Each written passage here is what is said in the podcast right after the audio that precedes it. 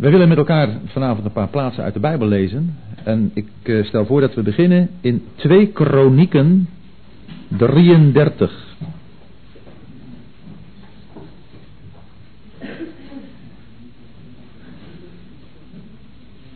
Twee Kronieken 33.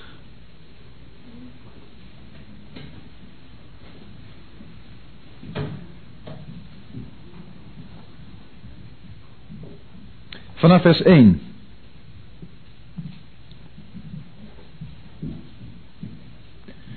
We wachten rustig tot ieder het gevonden heeft, want wat ik ervan ga zeggen is lang zo belangrijk niet als dat we met elkaar lezen.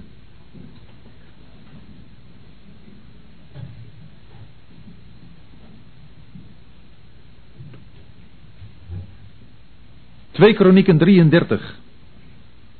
Manasse was twaalf jaar oud toen hij koning werd. Hij regeerde 55 jaar te Jeruzalem. Hij deed wat kwaad is in de ogen des Heren in overeenstemming met de gruwelen der volken die de Heere voor de Israëlieten uit had verdreven. Hij herbouwde de offerhoogten die zijn vader Jehiskia had afgebroken, richtte altaren voor de Baals op, maakte gewijde palen en boog zich neer voor het gehele Heer des Hemels en diende ze. Ook bouwde hij altaren in het huis des Heren, met het oog waarop de Heere gezegd had, in Jeruzalem zal mijn naam zijn, tot in eeuwigheid. Hij bouwde altaren voor het gehele Heer des Hemels in de beide voorhoven van het huis des Heren. Ja, hij deed zijn zonen door het vuur gaan in het dal Ben Hinnom en liet zich in met toekomstvoorspellingen, waarzeggerij en toverij en stelde bezweerders van doden en van geesten aan. Hij deed veel dat kwaad is in de ogen des Heren en krenkte hem daardoor. Hij plaatste ook een stenen afgodsbeeld dat hij gemaakt had in het huis Gods, waarvan God tot David en diens zoon Salomo gezegd had, in dit huis, hier in Jeruzalem, dat ik verkoren heb uit al de stammen van Israël, zal ik mijn naam vestigen tot in eeuwigheid. En ik zal Israël als voet niet meer doen wijken van het land, dat ik voor uw vader bestemd heb, indien zij slechts naarstig doen al wat ik hun geboden heb. De gehele wet en de inzettingen en de verordeningen gegeven door Mozes. Manasse verleidde Juda en de inwoners van Jeruzalem ertoe meer kwaad te doen dan de volken die de Heere voor de Israëlieten had verdelgd. De Heere sprak tot Manasse en zijn volk, maar zij luisterden niet. Daarom bracht de Heere over hen de legeroversten van de koning van Assur, die Manasse grepen met haken hem boeiden met twee koperen ketenen en naar Babel voerden. Maar toen hij in het nauw geraakt was, zocht hij de gunst van de Heere zijn God. Hij verootmoedigde zich diep voor het aangezicht van de God zijner vaderen en bad tot hem. Toen liet hij zich door hem verbidden, hoorde zijn smeking, bracht hem naar Jeruzalem terug en herstelde hem in zijn koningschap. En Manasse erkende dat de Heere God is Hierna bouwde hij een buitenmuur voor de stad Davids, ten westen van Gihon, in het dal en in de richting van de vispoort, trok hem om Ofel heen en maakte hem zeer hoog. Ook stelde hij legeroversten aan in, het, in de versterkte steden in Juda. Hij verwijderde de vreemde goden en het stenen beeld uit het huis des Heren, benevens al de altaren die op de berg van het huis des Heren en in Jeruzalem gebouwd had. En wierp ze buiten de stad. Voorts richtte hij het altaar des Heren weer op, offerde daarop vredeoffers en lofoffers en beval Juda de Heere, de God van Israël, te dienen. Tot zover.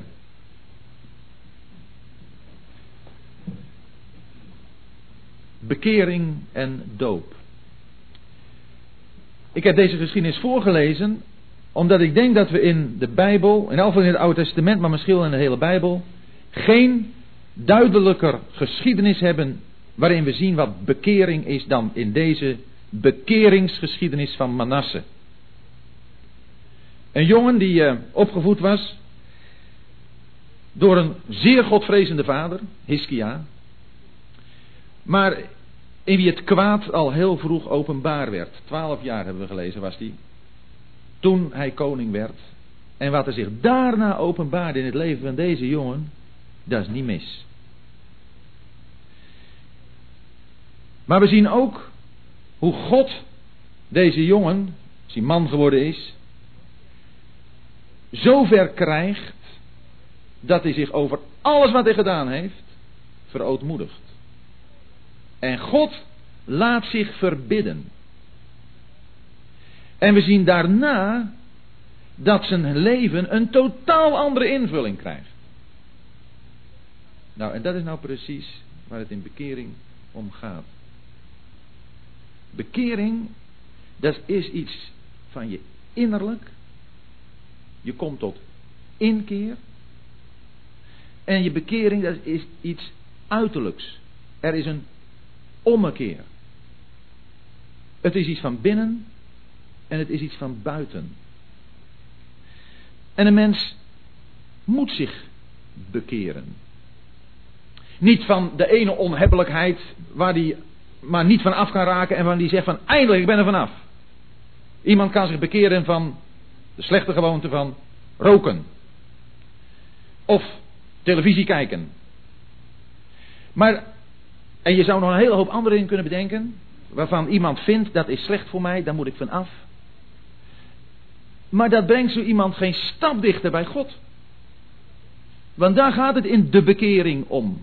Een bekering, dat moet zijn, zoals het ergens staat, een bekering tot het leven, ten leven. Een bekering waarin het leven zijn uitwerking gaat krijgen.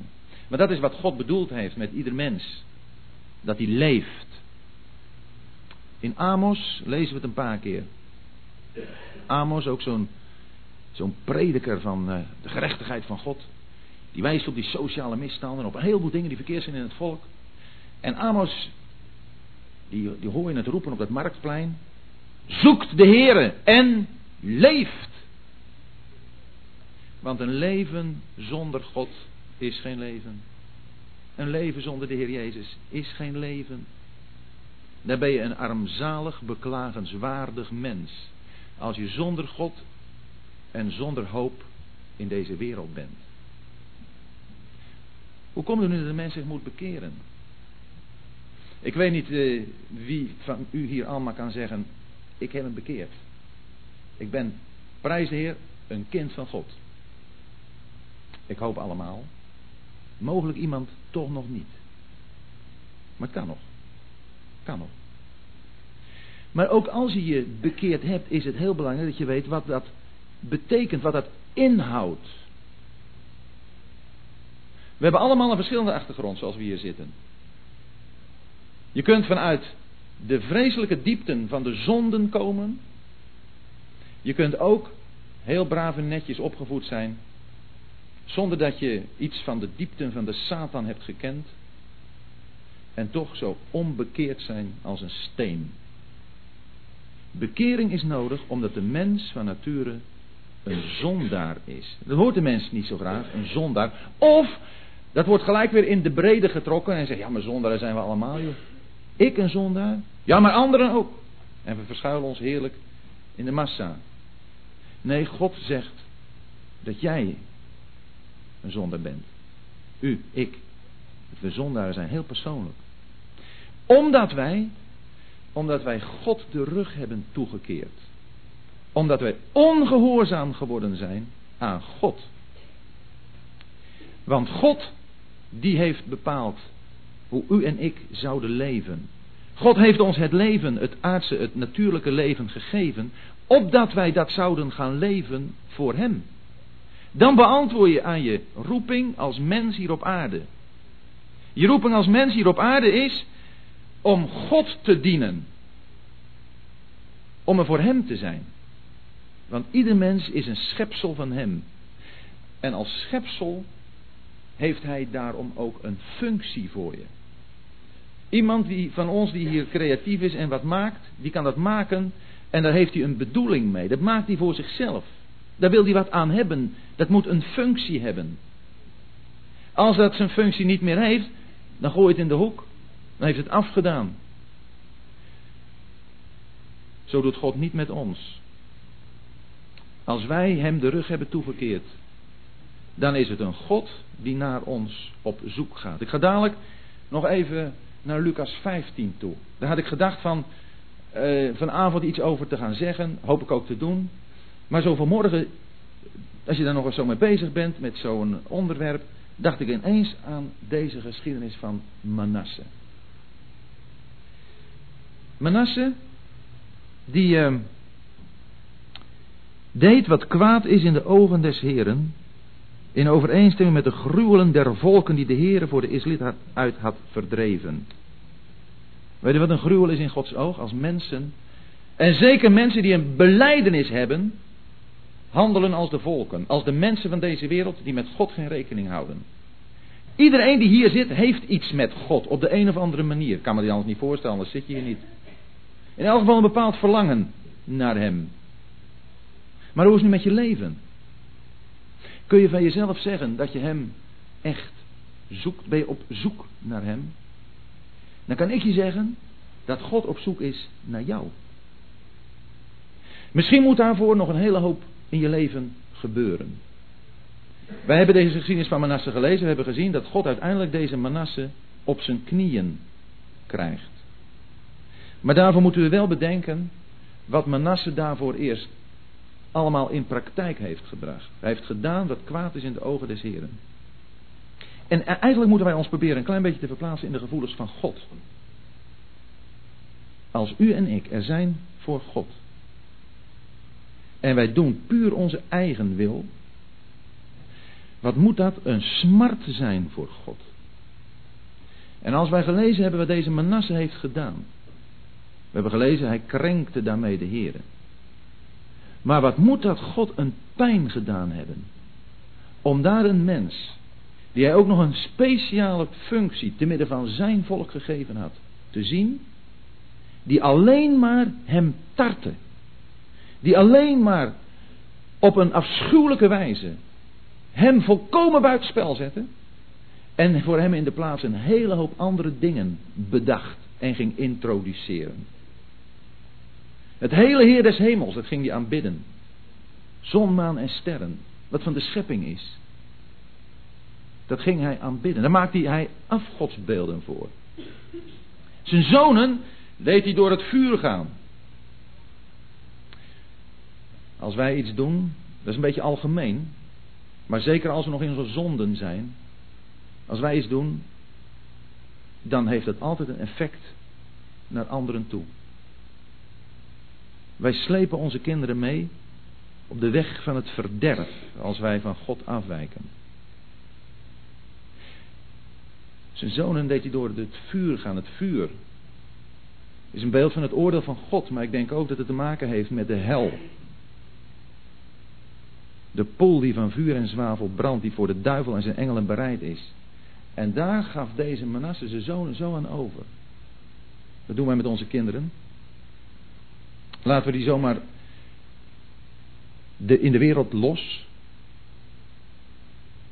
Een wereld die er helemaal op uit is om onze kinderen volkomen in zijn greep te krijgen. Manasse deed het nog eens heel bewust ook. Maar ook als we dat niet bewust doen, kunnen we zo naïef zijn dat we niet goed doorhebben wat er in deze wereld te kopen is, gaande is. Dat is even tussendoor. Zijn zonen. Maar niet alleen zijn zonen. Manasse, die, heel, heel Juda. Het hele volk. Hebben we gelezen. Daarin ging hij voor in het doen van wat kwaad is in de ogen van de Heer. De weg van God af ga je nooit alleen. Hij zocht zijn toevlucht bij uh, tovenarij, sterrenbiggelarij, waarzeggerij. Het is om je heen in de wereld. Misschien zijn er hier wel die uh, daar het een en ander van meegemaakt hebben. Misschien wel een enkeling die daar toch nog wel eens een klein beetje zijn hoop en zijn heil opstelt. Het is zo aantrekkelijk. Kom even het horoscoopje lezen. Je krijgt het, hè? Metro, spits, je krijgt het zo voor je. En het is zo aantrekkelijk even, even in te kijken. En voordat je het weet, doe je het de volgende dag weer en doe je het weer. En dat gaat een bepaalde invloed op je uitoefenen. Manasse, het ging met hem van kwaad tot erger. En God heeft tot hem gesproken. God heeft tot hem gesproken. Maar Manasse heeft niet geluisterd. En dan gaat God zo drastisch met hem te werk dat hij Manasse laat wegvoeren. In die geschiedenis van Manasse gaat het allemaal heel erg diep. En misschien kennen we allemaal mensen in onze omgeving. Misschien zit een enkeling hier die moet zeggen, kan zeggen: Ik ben ook van heel diep gekomen. Maar zolang je nog niet echt naar God toe bent gegaan, ben je nog niet diep genoeg. Je zult alles van de wereld moeten geproefd hebben om uiteindelijk je knieën te buigen voor die God. We zullen dat straks zien bij die verloren zoon in Lucas 15. Zoals die moeder die uh, haar jongen op bezoek kreeg, die ook flink in de criminaliteit zat, die wel wilde breken, maar toch nog steeds die hang voelde ernaar. En hij kwam weer thuis. Maar zijn moeder zei: Jongen, als er nog iets is in deze wereld wat jij wilt genieten voordat je je keuze voor de Heer Jezus maakt, geniet dat eerst. En dat klinkt misschien heel gek. En toch was het in dit geval een terechte opmerking. Geniet dat eerst. Want als niet de wereld met al zijn begeerten volledig en radicaal de rug wordt toegekeerd, blijft er een bepaalde hang naar de wereld achter. En is de bekering niet compleet en radicaal. En daarom is het zo belangrijk om over die bekering als zodanig na te denken. Bekering is noodzakelijk. Bekering is ook noodzakelijk daarom omdat God het als een eis stelt. In Handelingen 17, vers 31 lezen we dat God beveelt aan de mensen. Overal. Ook hier in deze zaal. En ieder die het hoort, het bandje straks misschien. God beveelt dat de mensen overal zich moeten bekeren. Omdat hij een dag bepaald heeft. Een dag waarop hij het aardrijk zal richten, zal oordelen in gerechtigheid door een man. Dat is zijn zoon Jezus Christus, die hij daartoe bestemd heeft. Waarvan hij aan allen zekerheid gegeven heeft, door hem uit de doden op te wekken. Deze Manasse was diep gezonken. Maar er is geen mens zo diep gezonken of God kan erbij. En waarom? Omdat de Heer Jezus nog dieper is gegaan. En hij komt eronder. En wil zo'n mens die, zoals hier Manasse, zich verootmoedigt, terugbrengen aan het hart van God. Wat zijn plaats is, wat jouw plaats is. Terugbrengen aan het hart van God. Daar hoor je. Dan kom je in een sfeer van muziek en dans, zoals in Lucas 15 dat staat. Dan kom je aan het hart van de Vader, zoals je het daar leest. Deze Manasse, die is zo diep geweest, dat er een moment kwam dat hij zag, inderdaad, het is God die met mij bezig is. Ik moet mij bekeren. En bekeren betekent dat dan radicaal afstand nemen van wat achter je ligt. Radicaal scheiding maken met de dingen die je in je greep hielden. Van binnen verbroken worden. En tegen God zeggen, o God, wees mij, de zondaar, genadig. En hoe, hoe meer je daarover nadenkt, des te meer krijg je het idee, de indruk, dat we er eigenlijk nog maar zo'n heel klein beetje van weten. Van wat zonde is voor God. En, en daarom zijn er ook, zeker in, in christelijke gezinnen, van, van die oppervlakkige bekeringen. Bekering is niet iets aan de oppervlakte. Bekering is iets heel diepgaands. En ik weet dat, dat wat zonde is, dat, dat leer je pas nadat je je bekeerd hebt goed zien. Want dan ben je in het licht. In de duisternis, zonder God, zie je niet wat zonde is. Dan kun je tot een bepaalde overtuiging komen van het deugt met mij niet. En ik ben niet goed bezig. Zoals het nu gaat, zo lukt het helemaal niet.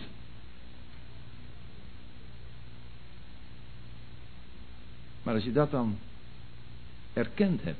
Als er iets is van, ik meen dat het in handelingen 26 staat, waar Paulus de opdracht krijgt dat hij dat moet vertellen, dat mensen zich moeten bekeren van de duisternis tot het licht. Een mens die, die niet bekeerd is, die geen contact, geen relatie met God heeft door het geloof in de Heer Jezus, die bevindt zich in de absolute volslagen duisternis. En van dat gebied waar duisternis heerst, moet hij overgaan in het licht. En hij moet, want hij is onder de macht van iemand, van de macht van Satan, overgaan naar God. Zo zegt Paulus dat daar. Of zo wordt tot hem gezegd.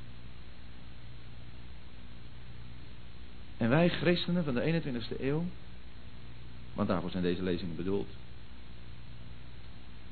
Wij gaan steeds meer in een stukje schemering leven.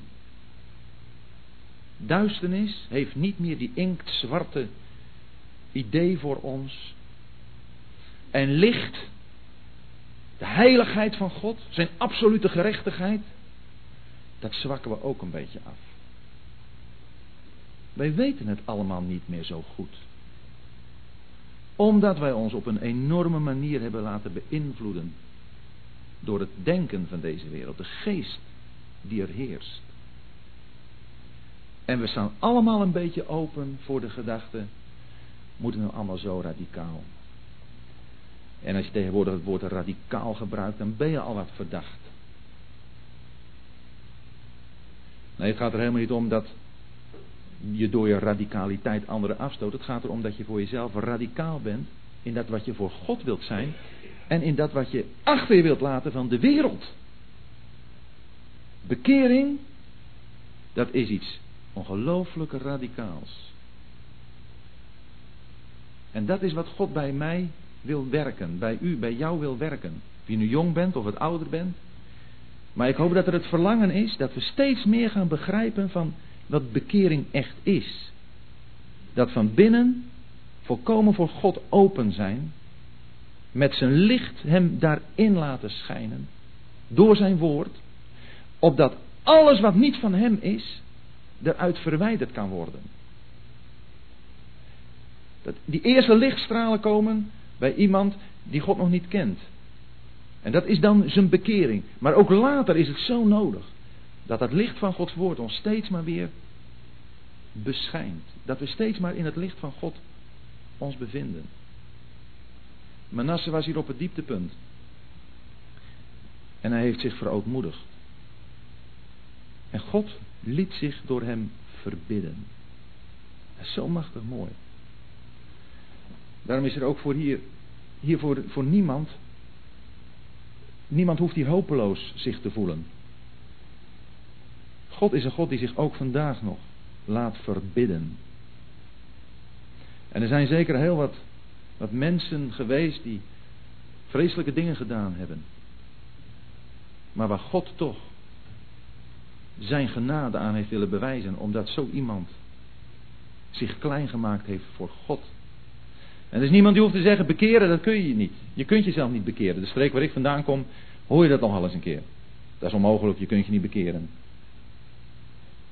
Als God zegt dat een mens zich moet bekeren, dan moet hij dat doen. Dat is een opdracht van God. En er is niemand die uh, kan zeggen, ja, maar God, nou vraagt u iets wat ik niet kan doen. Uiteindelijk maak je dan God tot een leugenaar. Maar wat je wel erbij mag bedenken, dat is dat als God iets vraagt, dat hij dan ook daarvoor de kracht geeft. Maar je moet het doen. Je moet je bekeren. En als die bekering een feit is, dan lees je wat deze Manasse daarna gaat doen. Hij bouwde een buitenmuur voor de stad van David.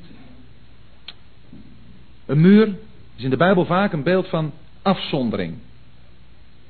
Afzondering van het kwade en toewijding tot het goede. En zeker mensen die zo radicaal uit de wereld bekeerd worden, die zijn ook inderdaad radicaal met alles weg te doen wat aan die wereld herinnert. En er wordt een muur gemaakt, heel hoog, staat er hierbij. Een hele hoge muur. En dat is belangrijk dat wij vanaf het moment dat we ons bekeerd hebben gaan zien dat wij niet meer bij de wereld horen. En dat elk kenmerk van de wereld aan ons als christenen een schande is voor God. En die afzondering voor God, die zullen we steeds opnieuw in praktijk moeten brengen. Steeds opnieuw waar moeten maken. Ons steeds opnieuw moeten afvragen, Heer, hoe zit het met mijn afzondering voor u? Waar is het toch nog mogelijk voor de vijand om bij mij naar binnen te komen? Wat Manasse dan ook doet, is dat hij in al die vestingsteden legeroversten plaatst. Ach, misschien mag je dat zo wel toepassen. Je kunt een hoge muur bouwen, maar misschien zijn er toch nog invalspoorten voor, voor de vijand. Maar zorg ervoor dat je van binnen in elk geval sterk bent. Zorg ervoor dat je van binnen sterk bent. Vorig jaar was ik hier ook op lezing. Dan had ik iemand bij me, Patrick Marx. Een man die uh, seksverslaafd is geweest. En er was me gevraagd, hij zat in uh, een opvangcentrum, Stichting in de Vrijheid, of ik die wilde begeleiden. Vanaf 5 september, vanaf 5 december zit hij in voorarrest in de gevangenis in Tongeren. Want uh, hij had nogal wat op zijn kerfstok, moordaanslag, drugslijn helpen opzetten en onderhouden. En uh, daarvoor was hij dus uh, gepakt, althans daarvoor wilden ze hem hebben. Hij heeft zich ook keurig gemeld. En hij zit nu dus zo'n goed negen maanden, bijna tien maanden, daar in Tongeren in de gevangenis. We hebben nog wel wat contact, schriftelijk contact. Maar deze jongen die is waarachtig bekeerd. Alles wat hij vroeger heeft gedaan in de verseksing waarin hij zich bevond.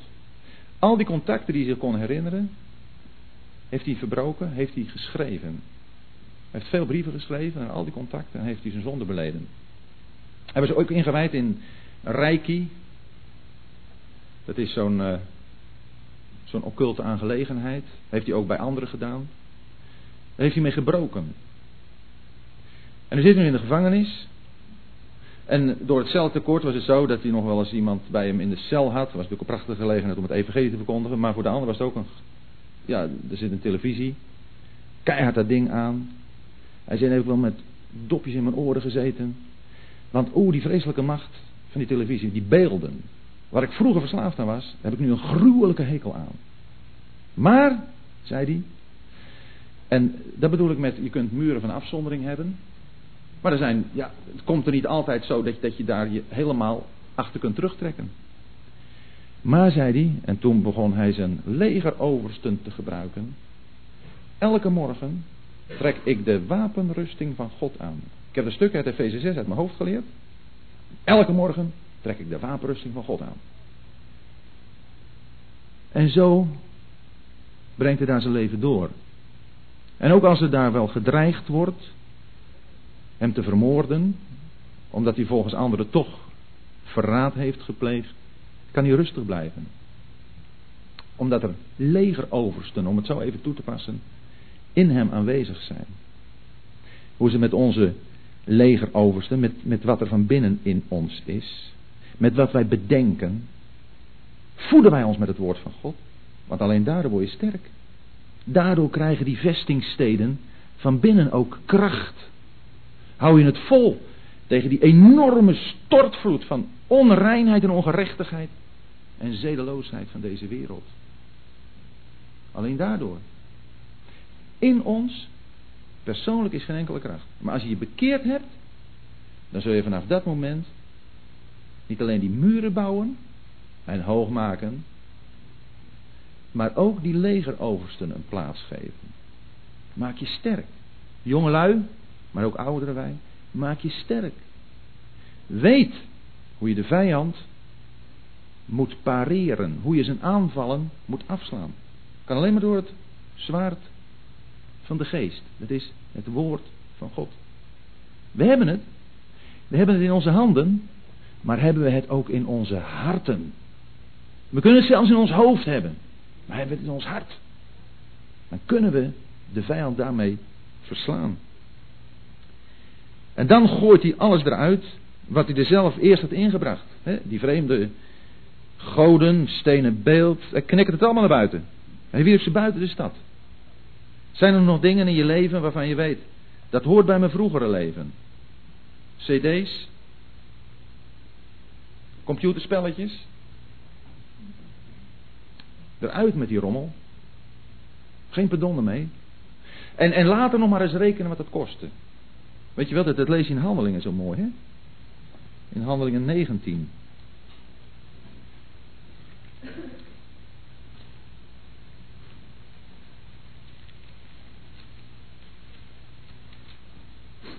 In Handelingen 19 heeft Paulus een poosje gewerkt.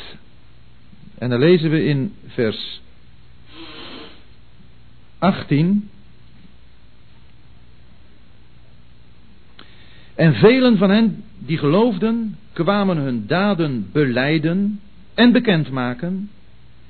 Ook velen van hen die toverkunsten hadden bedreven, brachten hun boeken bijeen en verbrandden ze in bijzijn van allen. En zij berekenden de waarde daarvan en kwamen op 50.000 zilverstukken. Maar eerst de fik erin, hè? En ga dan maar eens rekenen. Dat gebeurde daar. Maar dat was nadat zij kwamen, zij die geloofden, ze kwamen en ze hebben hun zonden beleden. Hebben wij ook echt alles beleden? Hebben wij echt opruiming gehouden van de dingen waarvan we weten dat was verkeerd? Beleidenis van onze zonden.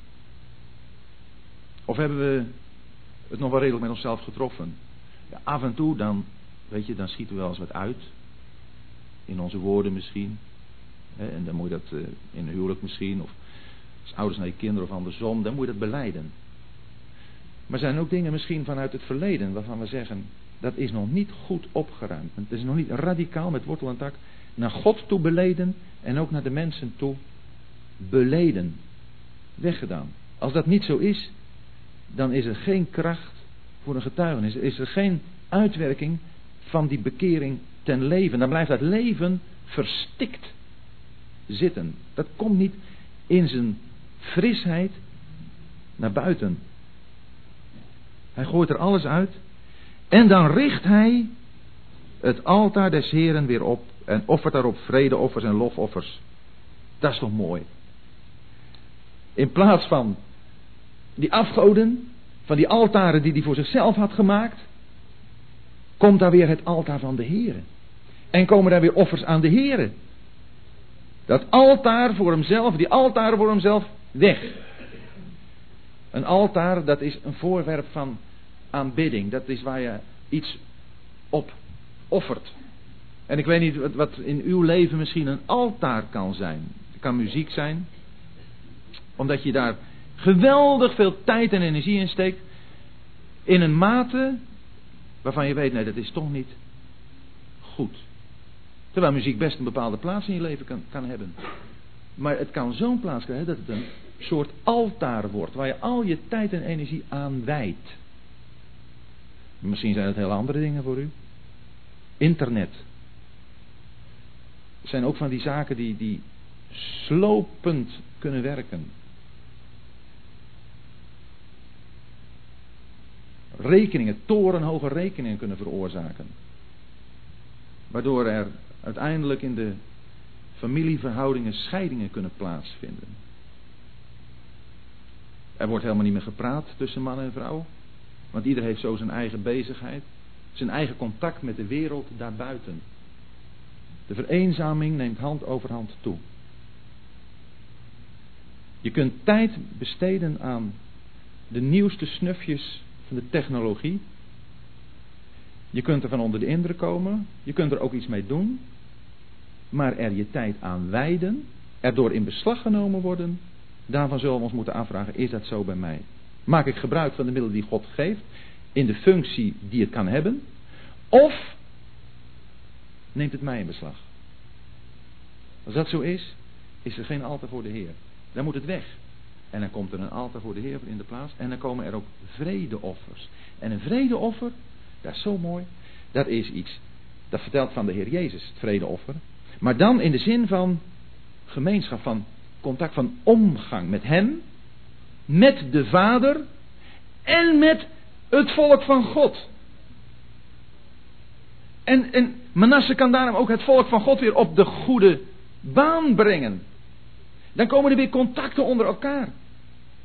Want de vereenzaming, de eenzaamheid in de wereld, die uh, vind je soms ook wel eens terug onder Gods kinderen. Omdat wij allemaal zo ontzettend druk zijn. We hebben nauwelijks meer tijd voor elkaar in het gezin. Laat staan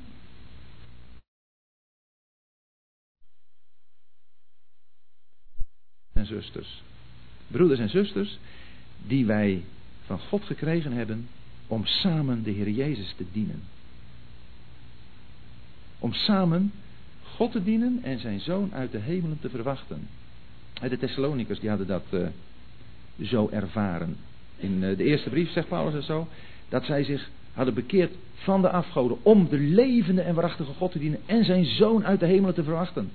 Wij zijn hier nog op aarde om God te dienen, de levende en waarachtige God en zijn zoon uit de hemelen te verwachten. Maar dan ook samen. Want van die gelovigen in Thessalonica, daar ging een gerucht uit door heel die omgeving daar. Het werd aan Paulus verteld hoe het daar bij die gelovigen in Thessalonica was. Nou, ik denk dat wij ons allemaal aardig te schamen hebben. Als het gaat om onze onderlinge omgang. De aandacht en de tijd voor elkaar. En natuurlijk, je kunt niet alles. Maar we weten best dat wij onze tijd wel eens te veel geven aan dingen ja, die er zo langzaam naar binnen geslopen zijn.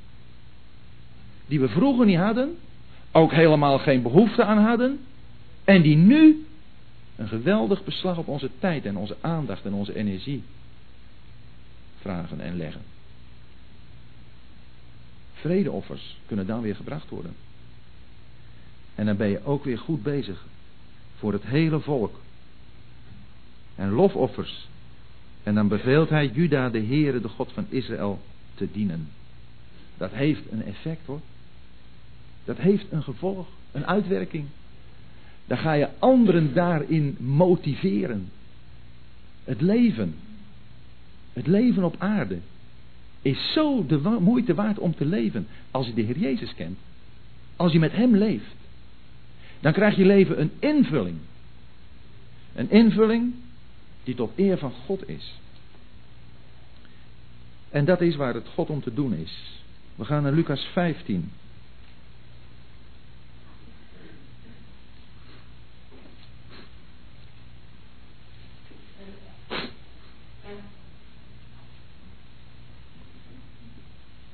Lucas 15, vers 1.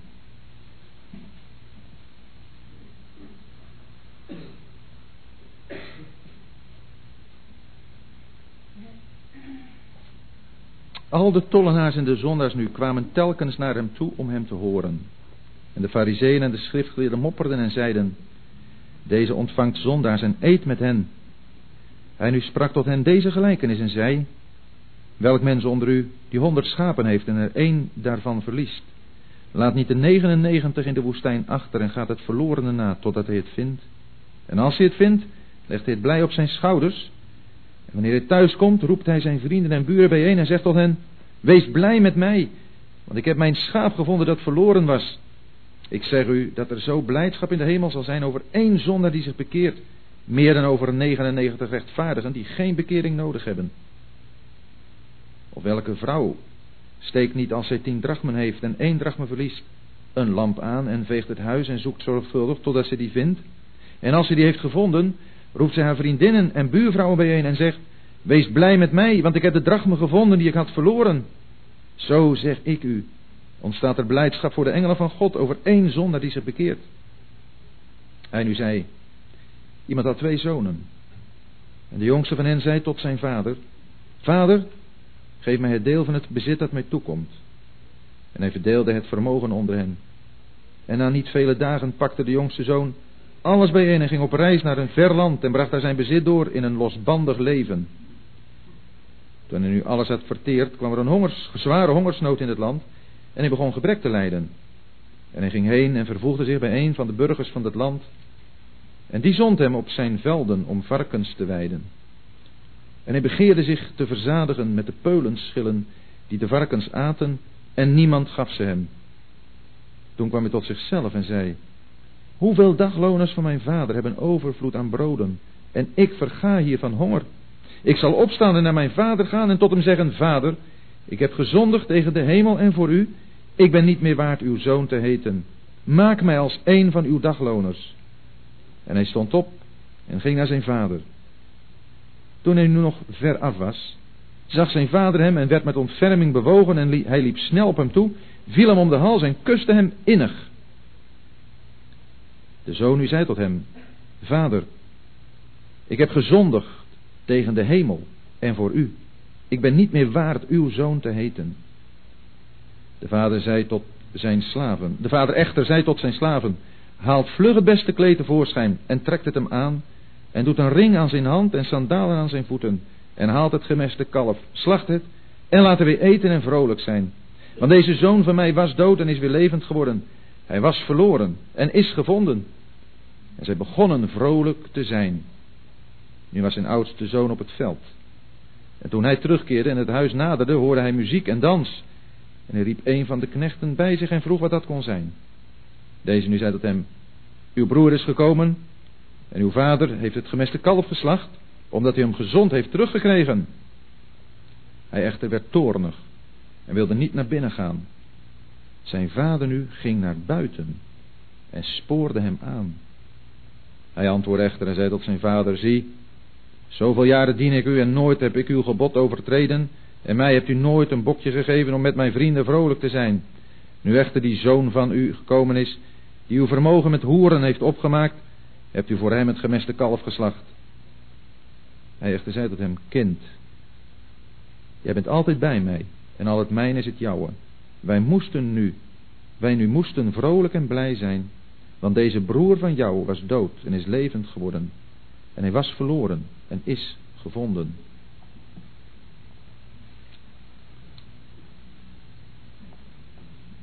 Een bekende geschiedenis. En toch, telkens als je die leest, kom je van onder de indruk. Omdat het een geschiedenis is die niet zoals we bij Manasse gezien hebben het hart van een mens laat zien, maar een geschiedenis die het hart van God laat zien. Dit Lucas-evangelie is een bijzonder evangelie, wat zo schitterend handelt over de genade van God die verschenen is. Heilbrengend voor alle mensen. En Lucas 15 is er het hart van. De Heer Jezus, die is daar te midden van mensen, tollenaars en zondaars, maar ook van fariseeën en schriftgeleerden. Die fariseeën en schriftgeleerden die vonden het helemaal niet leuk wat de Heer daar allemaal zei. Want het tastte hen in hun positie van belangrijkheid aan. Ze mopperden. En ze zeiden, deze ontvangt zondaars en eet met hen. Het is wat. Deze beschuldiging is het grootste compliment wat je de Heer kunt maken. En eigenlijk gaat nog iets verder. De Heer die ontvangt hen niet alleen, de Heer zoekt ze. Hij zoekt. God zoekt. Ik heb het straks aangehaald uit Amos 5, waar de mens gezegd wordt, zoek mij en leef. Maar hier vinden we een zoekende God. En die zoekende God, in zijn drie eenheid vinden we hier bezig. Want in die herder vinden we toch een schitterende afbeelding van de Heer Jezus. En in die vrouw die daar het huis doorzoekt, vinden we de werkzaamheid van de Heilige Geest. En van die vader, zijn twee zonen, vinden we toch God de Vader. En in alle drie die gelijkenissen, die eigenlijk wel één gelijkenis vormen, gaat het om de blijdschap. Niet van degene of van dat wat verloren is, maar van hem die heeft gevonden. Het gaat om Gods blijdschap. De Heer Jezus is de goede herder. Van die 99, van die 100 schapen is er één verdwaald. En gaat er achteraan. En hij zoekt het. Totdat hij het vindt. De Heer Jezus legt het op zijn schouders. Er is wel eens gezegd, in Jesaja 9 meen ik dat het staat, dat hij de heerschappij op zijn schouder draagt. Hij draagt de heerschappij op zijn schouder. Het hele wereldgebeuren op zijn schouders. En ene schouder is daar voldoende voor. Van dit schaap lezen we dat hij het op zijn schouders legt. Allebei zijn schouders. Daar liggen u en ik. Ondersteund en gedragen door hem die het hele heelal op zijn schouder draagt. In deze drie schapen, de munt en die zoon, vinden we de drie aspecten waarin de zondaar gezien wordt. Waarin u en ik gezien worden.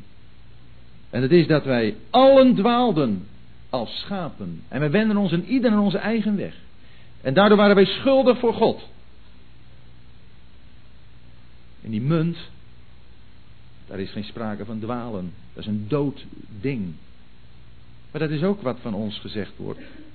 In Efeze 2, dan lezen we dat wij dood zijn in onze zonden en misdaden. Dood. En in die verloren zoon, daar vinden we het werk wat gebeurt in dat wat teruggevonden wordt. En vinden we beide aspecten terug. Dat zegt die vader ook. Deze zoon van mij was verloren zoals het schaap. En is gevonden. Hij was dood zoals die munt. En is nu levend geworden. En dat is wat er met ons gebeurt. Als we de Heer Jezus hebben aangenomen, dan is dat met ons gebeurd. De Heer Jezus, hij legt het blij op zijn schouders. En dan brengt hij het thuis. Hij brengt het niet terug bij de kudde, hij brengt het thuis. En dan gaat hij feest vieren. En dan gaat hij zeggen: Wees blij met mij, want ik heb mijn schaap verloren, gevonden dat verloren was. En dan is er zo blijdschap in de hemel over één zondaar die zich bekeert. Er is blijdschap in de hemel. Als je de hemel in beweging wilt zien, dan merk je dat als een zondaar zich bekeert.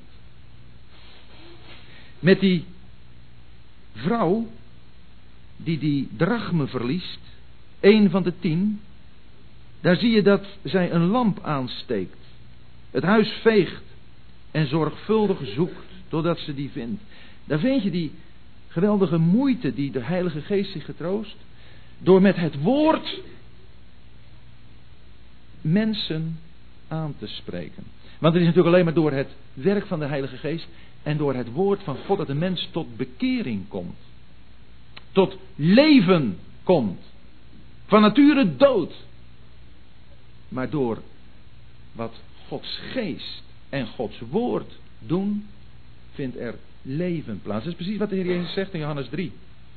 Als je niet wederom of opnieuw geboren wordt door water en geest, zul je het koninkrijk van God niet binnengaan, zelfs niet zien. En daar is het heel duidelijk dat het water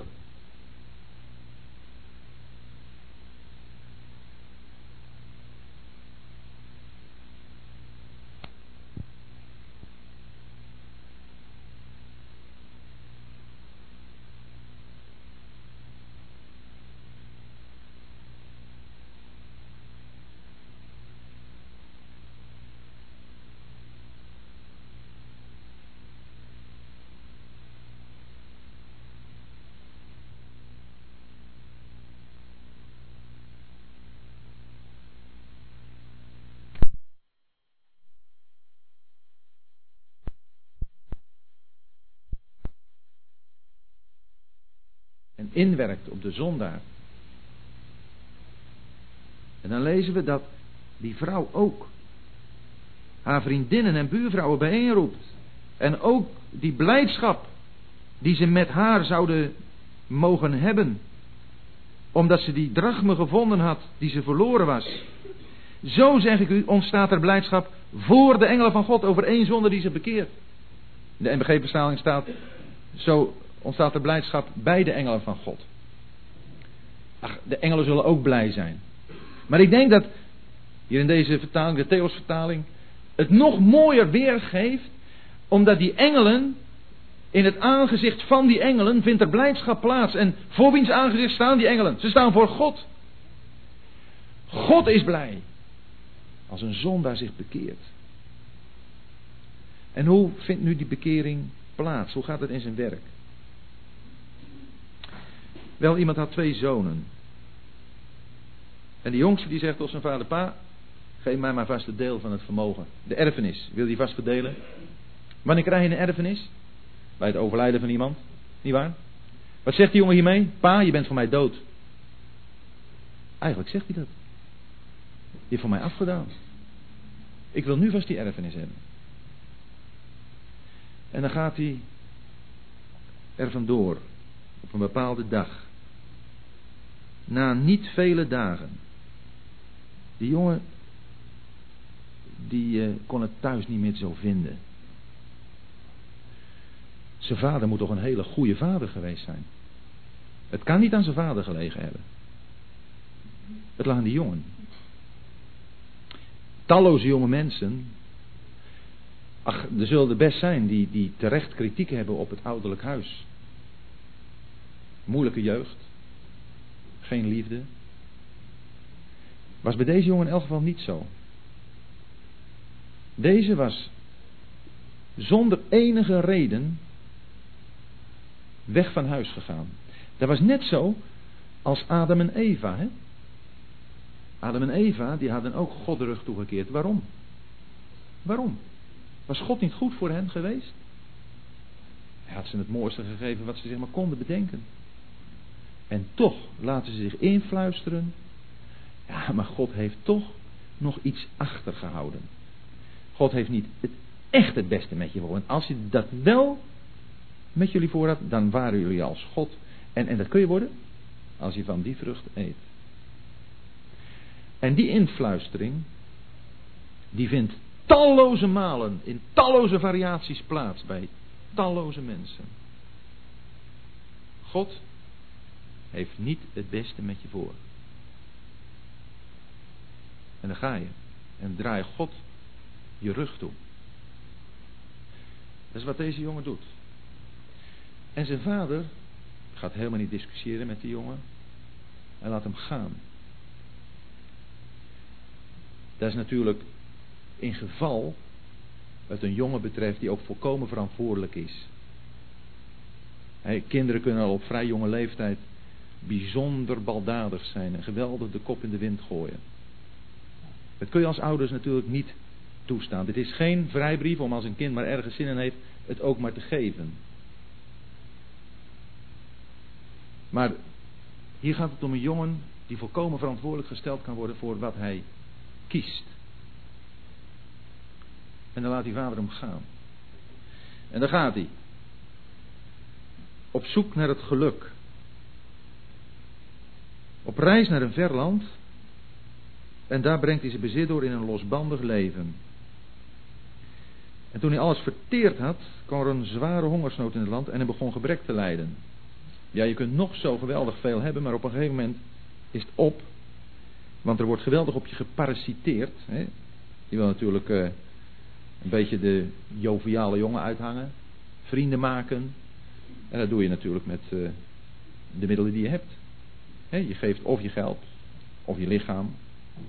En dan heb je wel je vrienden. Totdat ze op je uitgekeken zijn. Totdat ze niets meer van je kunnen plukken. En dan word je gedumpt als oud vuil. Zo heb ik een jong meisje gezegd. Onlangs. Dat ook in een christelijk gezin is groot opgevoed. Is ze nog steeds. Maar die bewuste wereld in wil. Houseparties, disco. Dat zelfs nog met een fraaie smoes. Van daar kan ik toch ook iets over God kwijt. Ja, ook met een satanist best eens een gesprek kan hebben. Maar denk erom dat ze je langzamerhand inpalmen. Totdat ze je helemaal hebben, je gebruiken en na gebruik bij het vuil zetten. En dan hoop je maar dat zo'n kind dat doorkrijgt. Kan al vrij jong beginnen. Deze jongen gaat er vandoor. En ik hoop niet dat er hier iemand is, ook van de jongeren, die toch met zulke gedachten loopt. Dat je het met je pa en ma toch niet zo getroffen hebt. Nou, ja, misschien moet je bepaalde ervaringen opdoen, zoals ook deze jongen. Maar wat een schande, wat een schade. Het hoeft niet. Dat is even ook tussendoor, want in deze geschiedenis gaat het om die vader. Als hij daar gaat, die jongen, helemaal berooid is, uiteindelijk op een veld terechtkomt waar hij varkens mag weiden, dan krijgt hij nog niet eens het varkensvoer te eten. De Satan geeft nooit iets voor niets. Dat bestaat niet. Hij plundert je helemaal leeg. En als hij dan daar bij die varkens zit, ziet dat die beesten het nog beter hebben dan hemzelf, dan komt hij tot zichzelf. Net als Manasse. Als Manasse. En daar gaat hij zitten nadenken. Hij komt tot zichzelf. En, en dat is eigenlijk het, waar de bekering begint. De inkeer komt. Dat je eens gaat nadenken van joh, waar ben ik nou eigenlijk mee bezig? En dat er iets komt van een herinnering aan, ja misschien niet aan je thuis. Ik, ik weet dat het niet in alle gevallen opgaat dat je nu kunt denken aan een thuis als een plek van geborgenheid en veiligheid, van liefde, van warmte, dat weet ik. Maar die God van liefde is er wel. Die God waar je je geborgen bij mag weten, is er wel. En daar heb je wel eens iets van gehoord. Dat kan niet anders. Ik maak me sterk dat hier niemand is die van het avond voor het eerst over God en de Heer Jezus hoort. Die God is er. En die God, vol liefde en genade, die, uh, daar mag je naar terug. Die wacht op je. Die wacht niet alleen op je, die kijkt naar je uit. Hij komt tot zichzelf en zegt: Hoeveel dagloners van mijn vader hebben overvloed aan brood en ik verga even honger. Ik zal opstaan en naar mijn vader gaan. Dat is een besluit. Alleen als het bij een beslissing gebleven was en niet gevolgd was door de daad, dan was hij daar bij die varkens dood gegaan. Hij stond op en ging naar zijn vader. Van binnen kwam er een ommekeer, een bekering. Ik zal opstaan en naar mijn vader gaan en ik zal zeggen: Vader, ik heb gezondigd tegen de hemel en voor u. Ik ben niet meer waard uw zoon te heten. Maak me als een van uw dagloners. Dat is die innerlijke omkeer. Die één keer waar hij toe komt. Maar daarna staat hij ook op en draait het land en die varkens en die hele prut de rug toe. En hij gaat op weg naar zijn vader. Toen hij van huis wegging, draaide hij zijn vader de rug toe. En nu, vanaf de varkens en het land waar hij zit, gaat hij dat de rug toe draaien en gaat hij naar zijn vader. En die vader, toen hij nu nog ver af was, zag zijn vader hem. Toen hij nog ver af was. Die vader ziet dat. Het lijkt erop alsof die vader de jongen met zijn ogen, met zijn gedachten helemaal gevolgd is. Naar het verre land. En in dat verre land heeft hij hem gezien. Zijn vader is niet meegegaan met hem. Zijn vader heeft er ook niet bij die varkens gezeten. Zijn vader is thuis gebleven. Maar al die tijd heeft hij op de uitkijk gestaan. En dan ziet hij die jongen komen. En dan in zijn lompen valt hij hem om de hals. En kust hem innig. Is dat een ontvangst? Dat is God. Dat is God voor iemand die zich bekeert. Is dat niet een uitnodiging? Het geweten moet overtuigd worden van zonden. Van zonde, gerechtigheid en oordeel. Dat is wat de Heilige Geest bewerkt.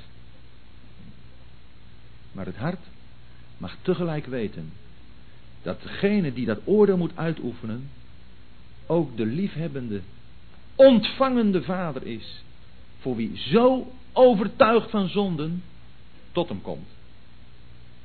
Dan praat je niet meer over ik heb gezondigd, maar dan zeg je ik ben een zondaar. Dan mag je bij die vader komen. En dan ontvangt hij je. En dan gaat die vader gaat aan het werk. Och, die jongen wil eerst nog zeggen wat hij zich zo voorgenomen had. Vader, ik heb gezondheid helemaal voor u, ik ben niet meer waard uw zoon te heten. Maar ik krijg niet de kans om te zeggen, maak mij als een van uw dagloners. Ik krijg niet eens de kans voor. Die vader zegt, breng het, haal vlug het beste kleed en trek het hem aan. Alle initiatief gaat nu van die vader uit. Want het gaat er niet om nu wat die jongen allemaal meemaakt. Het gaat er nu om wat die vader meemaakt. Wat er in het hart van die vader is voor deze jongen. Geen verwijten, maar een geweldige ontvangst. En een overladen met zegen. En dan wordt die jongen wordt in huis gehaald. Een huis waar muziek en dans is, waar vreugde is, blijdschap is. Waar ook die oudste zoon thuis hoorde. Die oudste zoon, die stond er helemaal buiten. En waarom? Omdat hij zijn vader niet kende. Die kende die vader alleen maar als een. Althans, dat, dat beeld had hij. En zo, zo ging hij ook te werk. Als een eisende vader.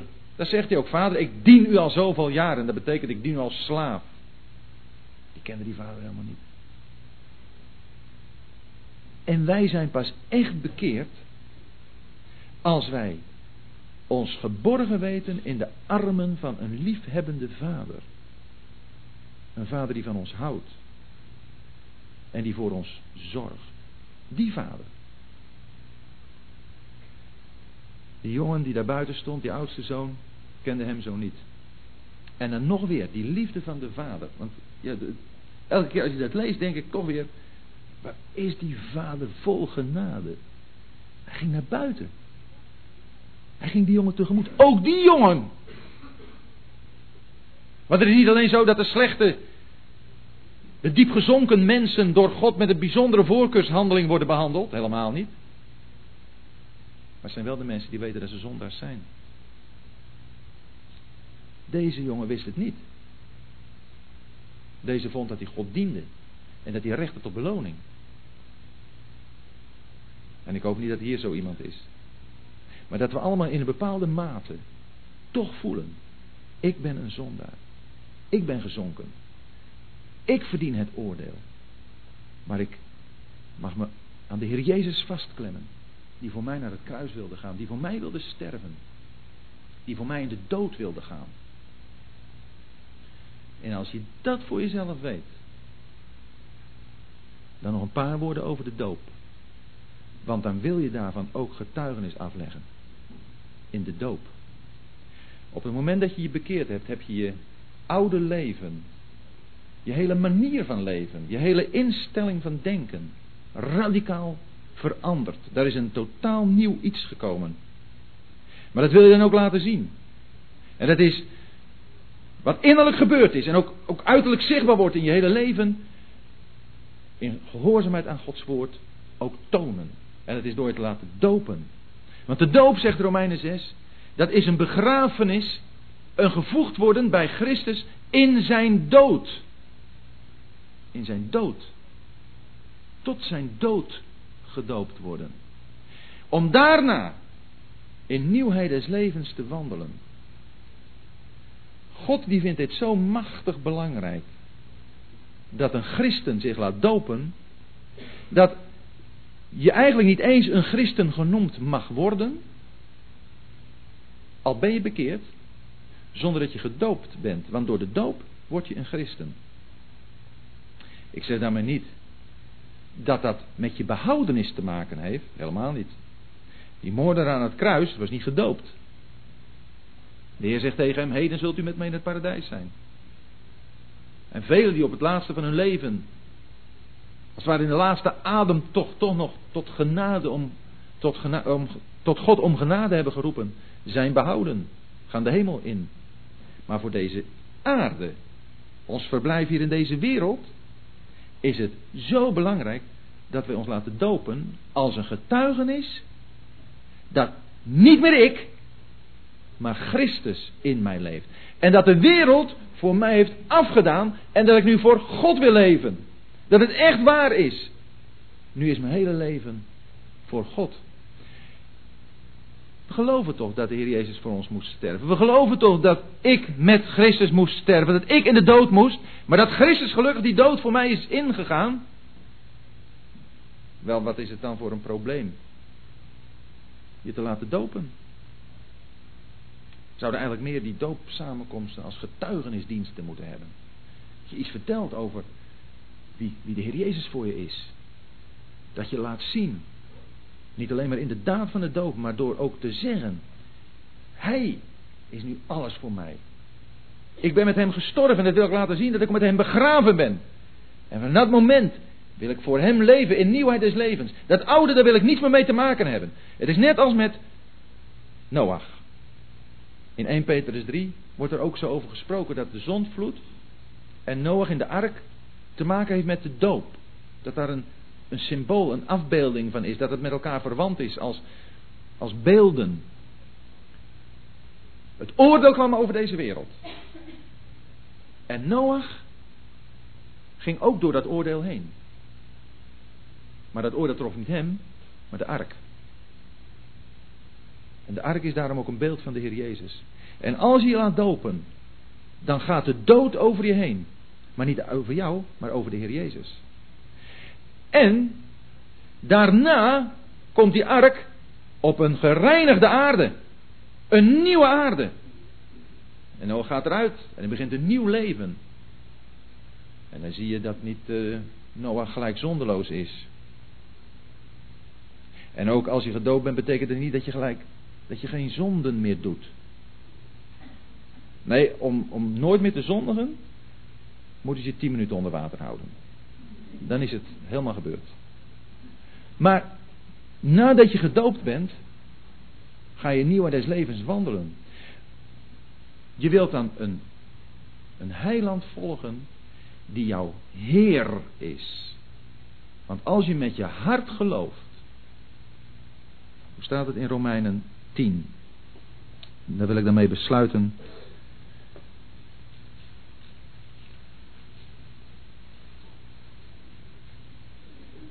Romeinen 10, vers 9. Dit is het woord van het geloof dat wij prediken. Dat als u met uw mond Jezus als Heer zult beleiden. En met uw hart geloven dat God hem uit de doden heeft opgewekt, u behouden zult worden. Want met het hart gelooft men tot gerechtigheid. En met de mond beleidt men tot behoudenis. Die behoudenis heeft te maken hier met deze wereld. Als je gedoopt bent, heb je daarmee laten zien dat je behouden bent. Het oordeel van God komt over deze wereld. Maar er is één, je zou kunnen zeggen, er zijn twee plaatsen waar het oordeel al geweest is. Dat is op het kruis van de Heer Jezus Christus. Heeft God zijn oordeel gezonden op hem. Ten behoeve van een ieder die gelooft. En die tweede plaats is het graf. Wat spreekt van een uitgeoefend oordeel. En dat is wat in de doop wordt getoond. Het graf, het watergraf van de doop. Daarin toon je, het oordeel is over mij heen gegaan. En nu ben ik vrij van het oordeel. De hele wereld ligt onder het oordeel. Ik ben er al onder geweest. Het kan me niet meer treffen. Christus droeg het voor mij en ik ben met hem begraven in de doop. Dat is die beleidenis van Jezus als Heer. Gaan we achter hem aan? Ik hoop het. Dat onze bekering vruchten voortbrengt. De bekering waardig. En het is dat de Heer Jezus in ons leven verheerlijk wordt. Dat Hij gehoorzaamd wordt in alle aspecten van ons leven, op alle terreinen van ons leven. Dat we niets meer voor onszelf hebben. En dat Hij het gezag erover heeft. Volkomen. Opdat Hij verheerlijkt wordt. En er ook van ons leven nog een zegen zal uitgaan.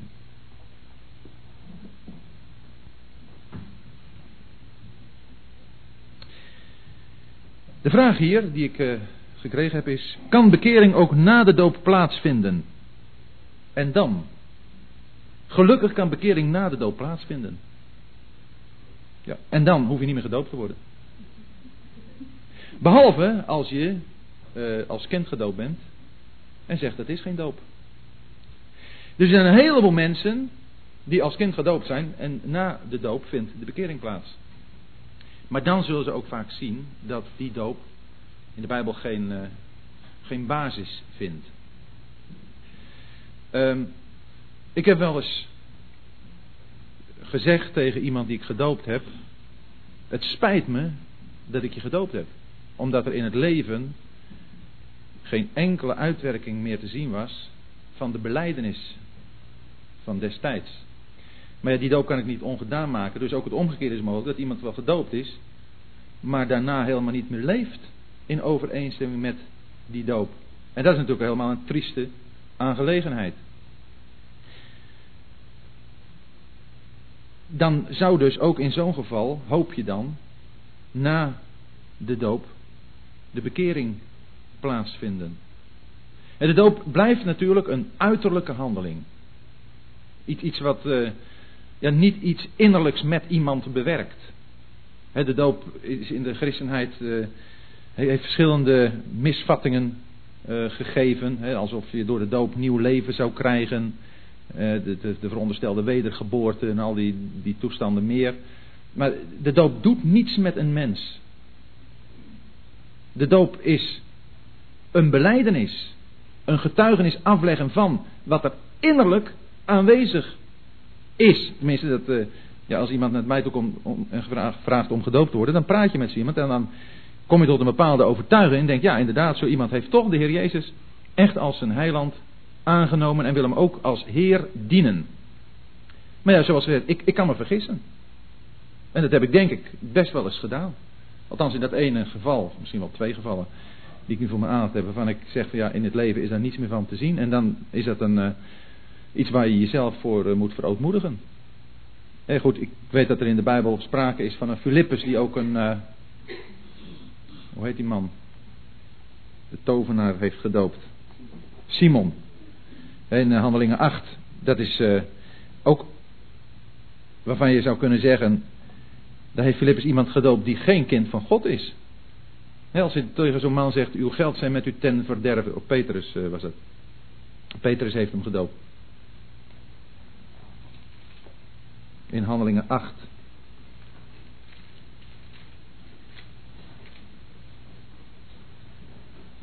heeft Filippus natuurlijk. Handelingen 8 vers 13.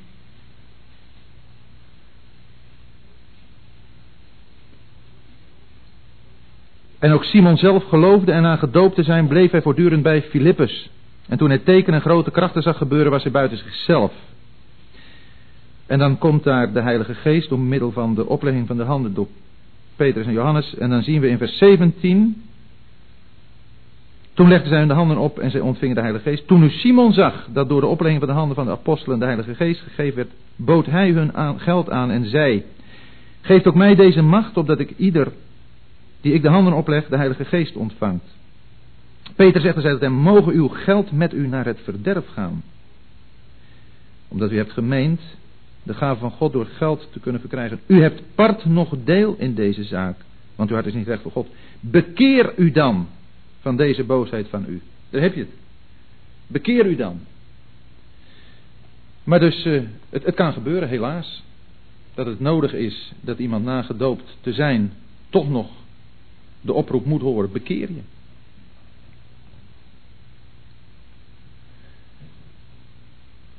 Dan was er nog een vraag, mondeling gesteld over Lucas 15.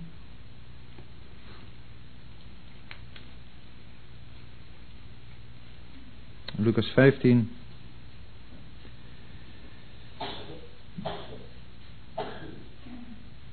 Vers 22. De vader echter zei tot zijn slaven, of afhankelijk van de vertaling, knechten. Wie zijn die knechten? Wie zijn die slaven? Ik denk dat dat de dienstknechten van God zijn. Als iemand tot bekering komt, dan mag hij weten dat hij door God aanvaard is. Maar het is door middel van dienstknechten van God dat zo'n persoon zicht krijgt op wat hier zinnebeeldig wordt aangeduid met het beste kleed. En dat wil zeggen dat hij gaat zien dat hij vanaf dat moment in Christus is. Dat hij bekleed is met Christus. Dat hij gaat zien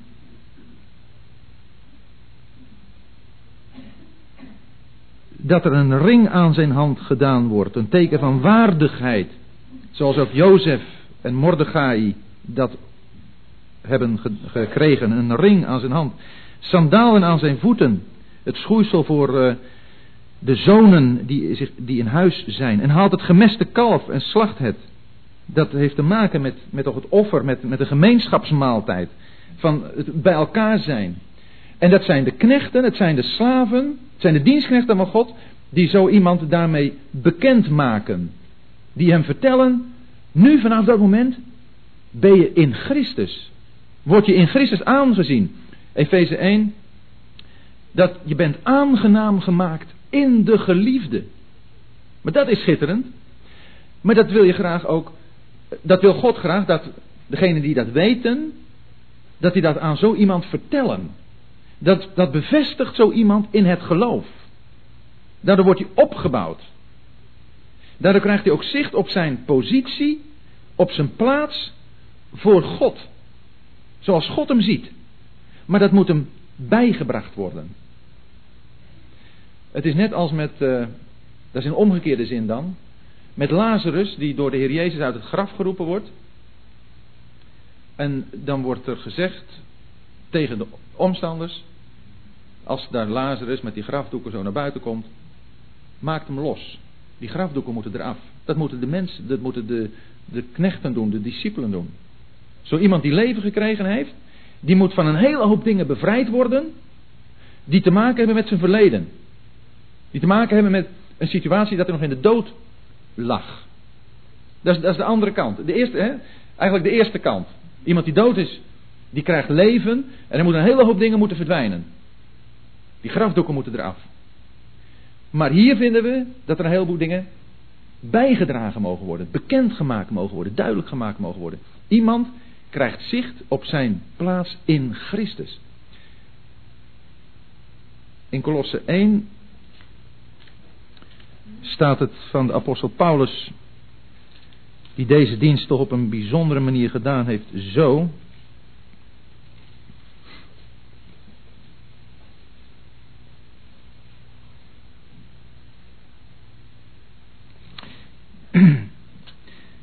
Kolosse 1, vers 24.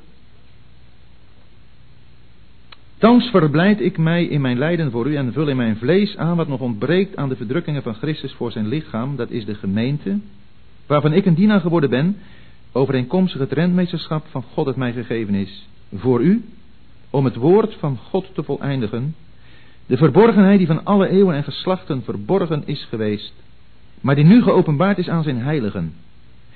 Aan hen heeft God willen bekendmaken welke de rijkdom is van de heerlijkheid van deze verborgenheid onder de volken, welke is Christus in u. De hoop van de heerlijkheid. En dan komt het.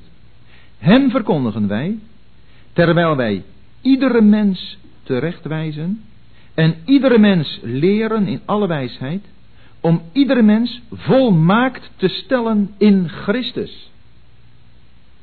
Dat is dat die pasbekeerde gaat zien dat hij volmaakt is in Christus. En dat is zo'n bemoediging, zo'n bevestiging, zo'n versteviging ook van, de, van het nieuwe leven.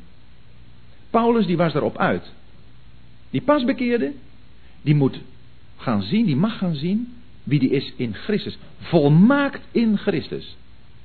En dan ga je de Bijbel lezen en dan ga je steeds meer ontdekken van de Heer Jezus, van zijn werk op het kruis, maar ook van wat hij nu is in de hemel en wat de gevolgen zijn voor de christen van het feit dat Christus nu in de hemel is. Ja, dat, dat moet ons allemaal bijgebracht worden. Want gisteravond op de Bijbelbespreking hadden we het ook over uh, ja, het, het, bezig zijn met de dingen van de Heer en, en het zien op de plaats waar Christus nu is. Het volmaakt zijn in Christus, Efeze 1, zoals gezegd, is dat wij aangenaam gemaakt zijn in de geliefde, maar Efeze 1 laat ons zien dat de christen in de hemel is. Dat is zijn plaats. In Christus. En in Efeze 1, dat zou je eens moeten lezen, waar je allemaal het woordje in vindt. In hem, in Christus, in Christus Jezus. Wat je allemaal gekregen hebt in hem en wie je bent in hem. echt dan denk je, beste mensen, wat, wat willen we nog meer? Wat zou je je nog druk maken om het surrogaat van deze wereld? En naar de mate dat je die volmaaktheid in Christus, die je bezit, meer gaat kennen, meer genieten, des te meer hoef je ook echt niks meer van de drek van deze wereld. Daar taal je niet meer naar. En dat is ook wat Paulus zegt in Filippi 3. Als je nou Christus mag leren kennen, als de inhoud van je leven, dan acht je alles schade en drek te zijn. Want dat wil je helemaal niet meer. Om Hem te kennen en de kracht van zijn opstanding. Ja, dan gaat het echte leven pas beginnen hoor. En we zijn dom bezig als dat niet ons hele hart en ons hele denken in beslag neemt. En broeders en zusters, jonge mensen, daarom is het zo goed elkaar daaraan te herinneren. En dat hebben we telkens weer nodig. Telkens opnieuw. Gewezen te worden op het woord. En dat mogen we dan elkaar doen, want dat is altijd wederkerig. En ik hoop dat dat uh, ook hier mag gebeuren. Ook bij ieder die hier is en, en die misschien pas de Heer Jezus kent. Bezoek ook samenkomsten waar het woord van God uitgelegd wordt. Wees er zelf ook mee bezig. Lees boeken over het woord van God, die het woord van God verklaren. Waarschijnlijk een keur aan boeken, die, die allemaal een filosofisch trekje hebben, of, of een aardig verhaal eh, weergeven.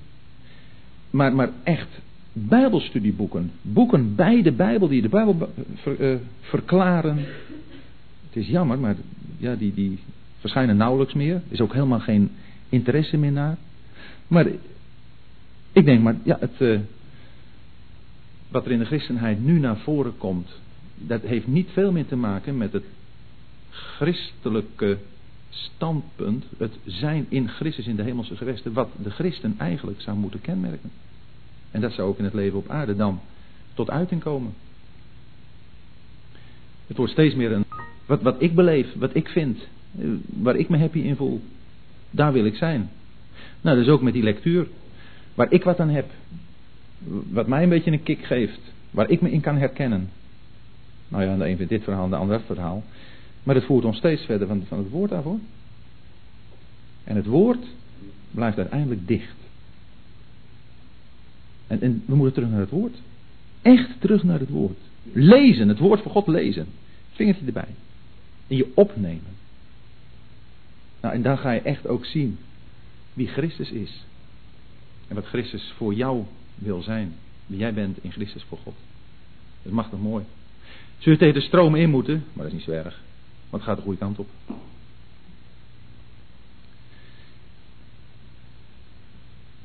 Dat even uh, van deze vraag. Zijn er nog mondelinge vragen? Want dat waren de schriftelijke en de ene mondelinge vraag.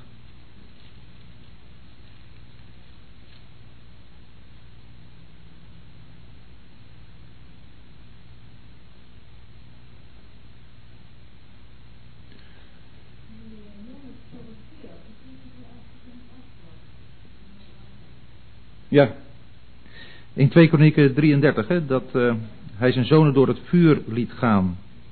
Ja, daar werden die jongens gewoon in het vuur als een offer gegooid. Ja. Dus het gaat wel heel afschuwelijk ver, hè? Ja, zo, uh, zover kan een mens komen als hij toch van God afwijkt. Dat is ongekend waartoe een mens kan komen zonder God. Dan komt hij tot de laagste dingen. Ook als je, als je soms denkt aan, aan die ene vrouw die, met die honger ergens, die notabene haar eigen kind opeet. Ja, daar kun je toch niet, niet aan denken dat dat mogelijk is. En toch zegt Gods woord het. Dat het notabene onder Gods volk voorkomt. En dan zouden we dan weer mooie geestelijke toepassingen kunnen maken, maar dat hoeven we vanavond niet te doen. Het feit op zich is afgrijzelijk. Is weerzinwekkend. Daar kun je geen woorden voor bedenken die sterk genoeg zijn. En het is wel gebeurd. En daar komen wij toe. Daar kom ik toe. Daar kom ik toe. Als ik niet bij de Heer blijf. Ik had laatst met uh, mijn zoon daar een gesprek over.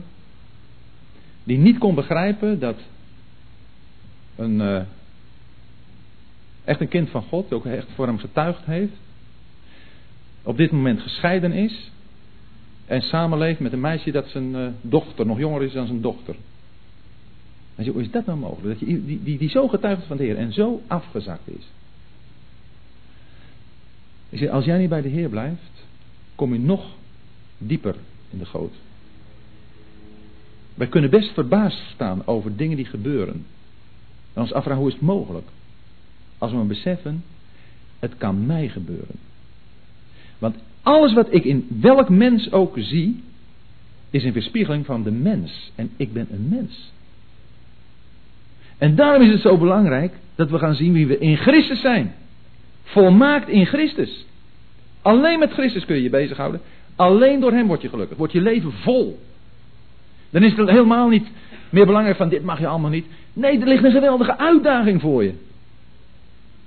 En die uitdaging is ook mensen om je heen te laten zien wat het betekent om bij de Heer Jezus te horen. Wat een vreugde dat is.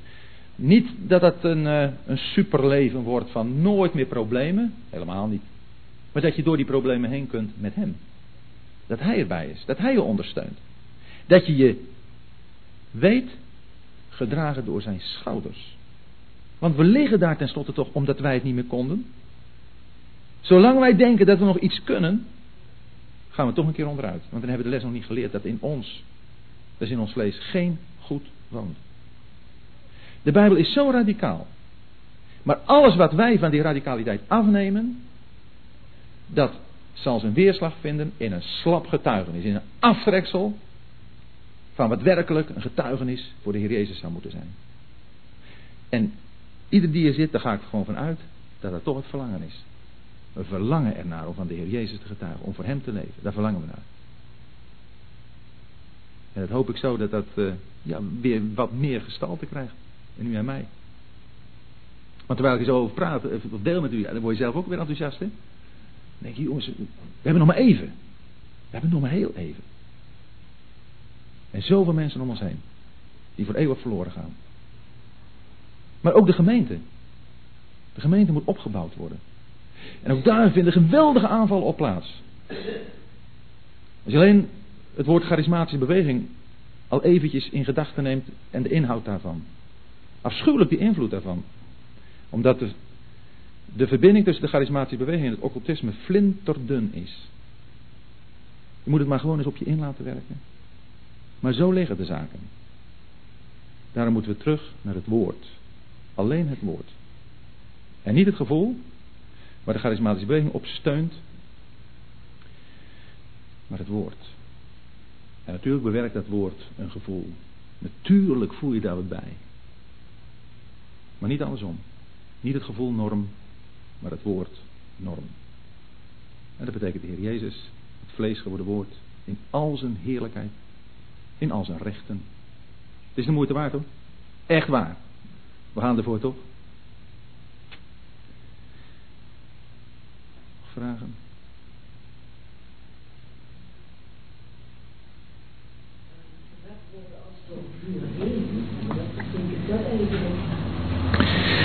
Dat lezen we in 1 Corinthiërs 3.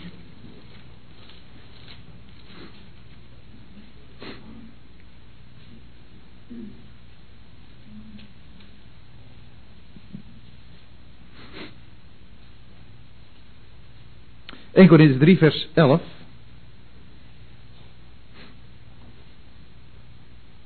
Want niemand kan een ander fundament leggen dan wat er ligt, dat is Jezus Christus. Als nu iemand op het fundament bouwt, goud, zilver, kostbare stenen, hout, hooi, stro, ieders werk zal openbaar worden, want de dag zal het aan het licht brengen, omdat deze in vuur geopenbaard wordt. En hoe ieders werk is, dat zal het vuur beproeven. Als iemands werk dat hij daarop gebouwd heeft zal blijven, zal hij loon ontvangen. Als iemands werk zal verbranden, zal hij schade lijden. Maar zelf zal hij behouden worden, maar zo als door vuur heen. Paulus heeft het hier over een drietal soorten arbeiders. Dat zijn mensen die bouwen met edelmateriaal, goud, zilver, kostbare stenen. Dat betekent, dat zijn bouwers die, die als ze over de Heer Jezus spreken tot iemand, iemand komt tot bekering, die wordt gedoopt en dat wordt een echte levende steen toegevoegd aan het huis van God. Maar dan is er ook nog hout, hooi en stoppelen. En ik denk dus dat als ik dat even toepas zo, van dat ene meisje wat ik gedoopt heb, waarvan ik voor mezelf denk, nee, die gaat niet de weg met de Heer. Goed, de Heer die kent het hart. Maar dan van, ik moet zeggen, nee, daar zie ik niet een leven met de Heer in. Dan heb ik met hout, hooi en stoppelen gebouwd. In dat geval. Als nu mijn hele leven zo zou zijn, dat ik heel gemakkelijk uh, daarover praat en heel gemakkelijk handel en doop en, en ook over uh, de Heer Jezus praat in een hele oppervlakkige zin. Ben je gelukkig? Weet je wat, als je Jezus erbij neemt, word je nog gelukkiger. Nou, dan, dan breng je een evangelie. Dit is geen evangelie. Dan bouw je ook in dat opzicht met hout, hooi en stoppelen. Dan ben ik wel een kind van God. Maar alles wat ik gebouwd heb, waarmee ik gebouwd heb, dat verbrandt. En zelf word ik dan wel behouden, maar zoals door vuur heen. Alles wat ik gedaan heb, heeft geen enkele bijdrage geleverd aan de bouw van het huis van God. En dat is natuurlijk een hele trieste zaak. Dat is het tweede soort van bouwen. In eh, vers 16 staat er dan nog een soort bouwers die de tempel van God verderven. Dat zijn de echte valse leraren. Dus de mensen die, die echt bewust een verdraaid evangelie brengen. Of, of een, echt een dwaling, een dwaalleer brengen. Om, te, om, het huis, om het werk van God echt te verderven. En dus dat zijn de drie soorten bouwers. En met deze kwestie van het uh, zelf behouden worden, maar als door vuur heen. Ja, dan heb je het vege lijf gered zoals Lot. Lot was ook iemand, die was net aan behouden, maar alles wat hij had, dat bleef achter. Als twee dochters na, nou heeft hij ook niet veel plezier van gehad.